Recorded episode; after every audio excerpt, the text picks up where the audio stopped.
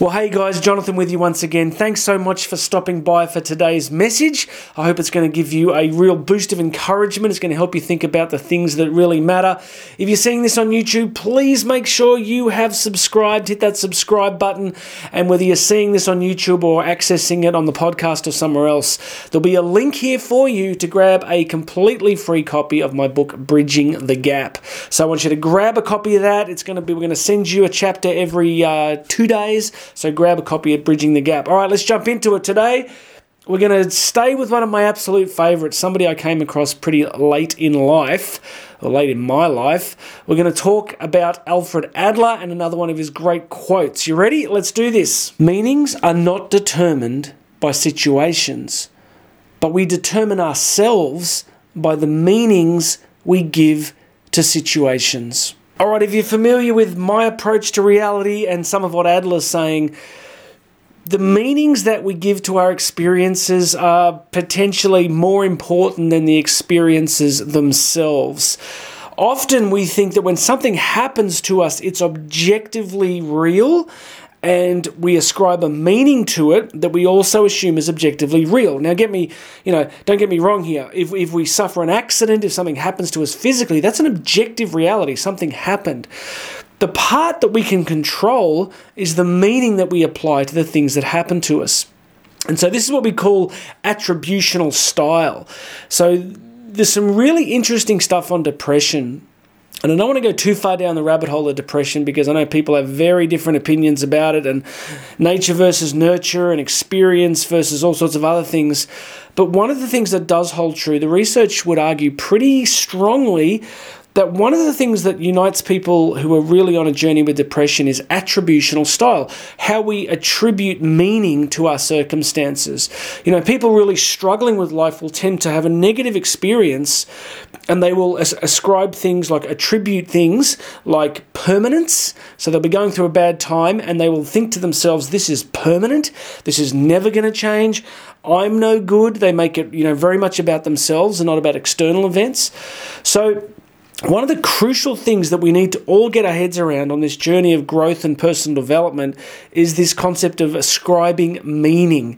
It's an enormously powerful tool if you think about it, that we can actually control, direct, choose the meanings uh, that relate to the experiences that we have in life.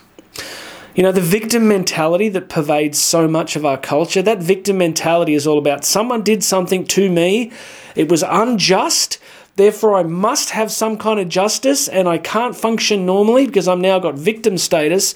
Friends, you know, if you want to get victim status, well, you know, it's not that hard, right? Like you can there are so many categories of victim status, you can find one. But at the end of the day, once you've done it, what are you left with, right? You got you, you you've you've got a a sense of yourself as a victim it can be quite disempowering. I don't discount that there's been situations in history where, you know, people have been treated with great a great lack of justice. But what I want to really suggest to you is that as we go through our daily lives, we truly can begin to think about the meanings that we ascribe to the circumstances that happen to us. So, whatever you're going through at the moment, whatever you're facing, I want you to really catch yourself, catch yourself in the act of ascribing meaning.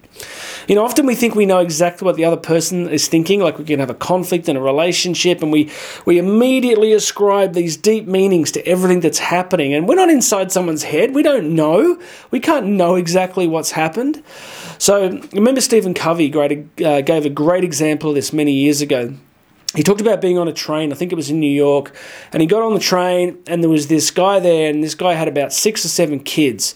And his kids were going crazy, right? They were running amok, they were swinging off the railings, they were yelling and carrying on and totally out of control.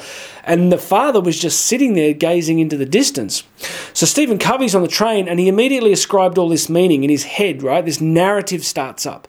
And the narrative is like, what's wrong with this guy? Why can't he control his children? We've all done it, right? We've all kind of seen something happen and we ascribe instant meanings to other people's behaviors. And finally, it's so bad that Stephen Covey says to this guy, Excuse me, man, like, could you control your kids? And the guy kind of snaps out of, you know, his sort of, you know, staring into the distance and he says, Oh, look, I'm so sorry. He said, We've just come from the hospital. Their mother died today.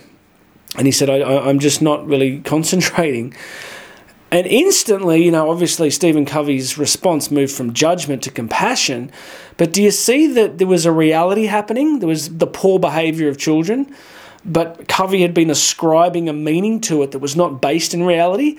And he's one of the greatest kind of psychologists, you know, of the last kind of 50 years. So if, if he's capable of doing it, so am I, and so are you. So as you go through these next few days, I want you to start thinking about when things are happening in your life that you're not happy about, look at the meaning and, and find an empowering meaning to what you're going through. I don't want to finish there. We keep these nice and short, but um, just get on top of this, right? Just start to filter it. Just start as you go through your day, start to think about these questions.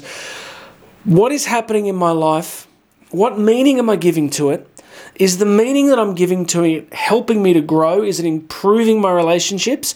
Or is it trapping me in victim status and sucking my energy? All right, I hope that's useful. Post a comment here if you'd like to. You can email me if that's helpful. Make sure you grabbed a copy of the book Bridging the Gap. Make sure you've subscribed.